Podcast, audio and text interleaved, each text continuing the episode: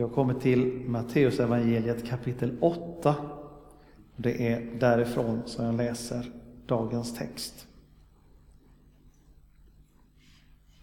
Jesus steg i båten och hans lärjungar följde med. Plötsligt blev det så stark sjögång att båten nästan försvann bland vågorna, men han sov. De gick fram och väckte honom. Herre, hjälp oss, vi går under. Han sa, varför är ni rädda, ni trossvaga?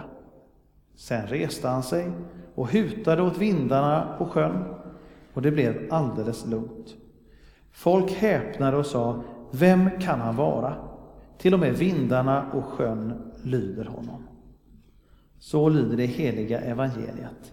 Lovad vare du, Kristus. I eh, Israel, i Galileen, uppe vid Genesarets sjö, finns det ett museum. Huvudattraktionen, om man ska kalla den det, är en båt. Jesusbåten kallas den.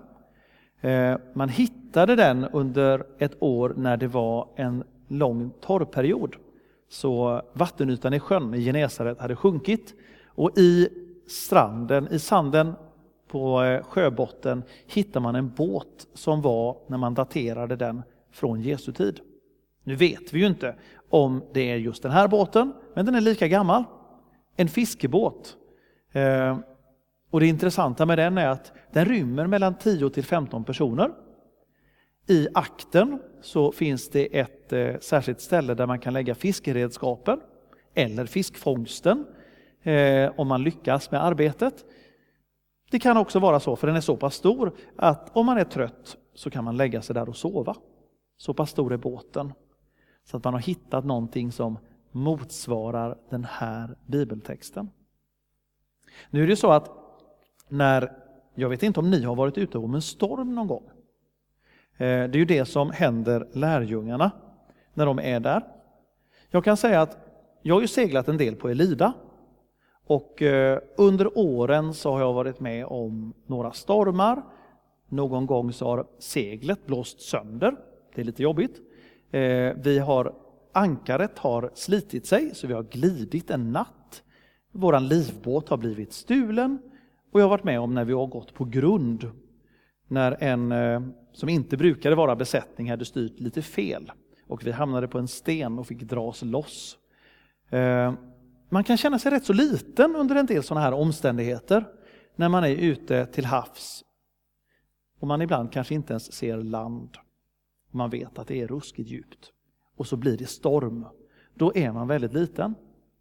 Men under åren på Elida för mig så får jag säga att jag har egentligen aldrig varit rädd. Konfirmanderna däremot, de har varit väldigt rädda. Så att där har det varit en uppgift som präst att försöka förmedla lite lugn och ro, tilltro till dem.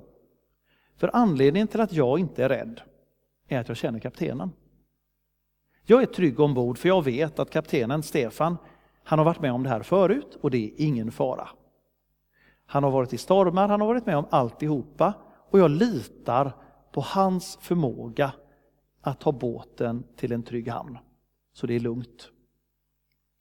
Det är ju den tron som lärjungarna i det här läget saknar. Det luriga är ju nämligen att det är de som är de yrkesvana seglarna. Flera av dem var fiskare.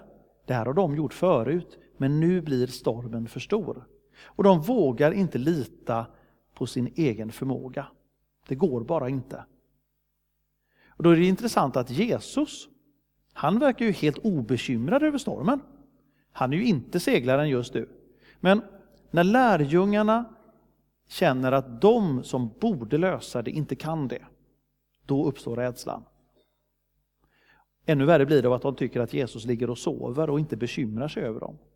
Jesus däremot har en fullständig trygghet i det han gör. För han vet att den här stormen och båten och hela sjön och hela världen ligger i Guds hand. Och Gud är mycket större än stormarna. Gud är en säker kapten när det gäller att ta oss genom livet. Så Jesus är helt lugn för han litar på sin himmelske fader. Och när lärjungarna väcker honom och ber honom åtgärda detta så vill han ju visa dem någonting.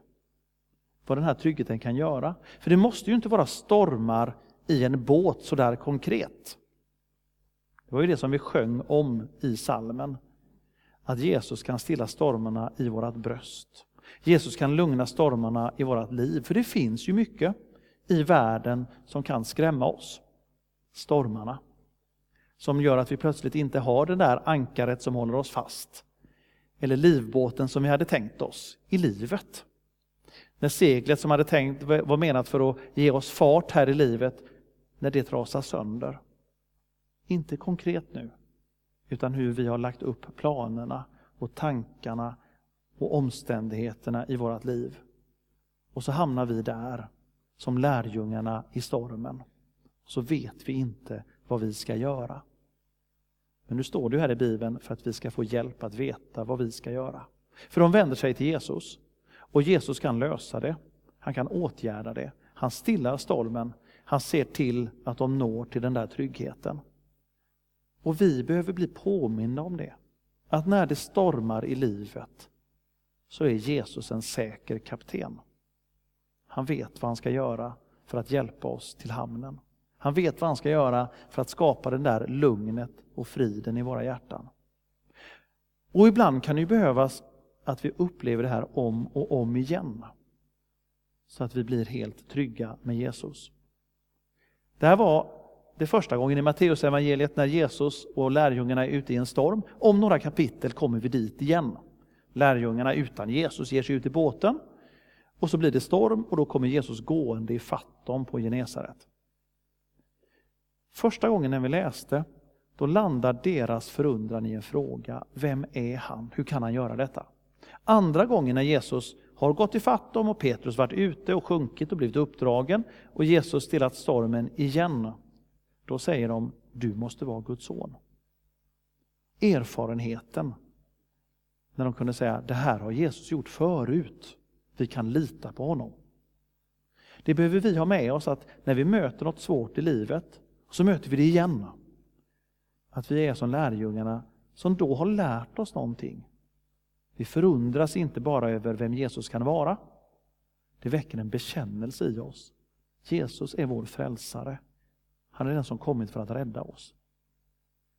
Och när vi är här inför Guds ansikte för att möta Gud så är det just alla de här stormarna som vi får ta med till Jesus och lämna. Vad är det som stormar i vårt hjärta och i vårt liv där vi behöver Guds hjälp? Vad är det för missar vi gjort i livet som vi behöver Jesus för att dra upp oss när vi håller på att sjunka i alla våra egna missöden? För Jesus gör ju det. Han drar ju upp oss. Det är det vi kan stanna till och tänka när vi ska vända oss till Gud nu i vår syndabekännelse, där vi får ta emot Guds förlåtelse. Allt det där får vi lämna till Jesus. Och han löser det. Han lyfter det av oss. Han ger oss förlåtelsen. Han låter tron få växa. Så att förundran får bli en bekännelse. Vi vet vem Jesus är. Han är vår frälsare. Det är tron på det som vi vänder oss till Gud.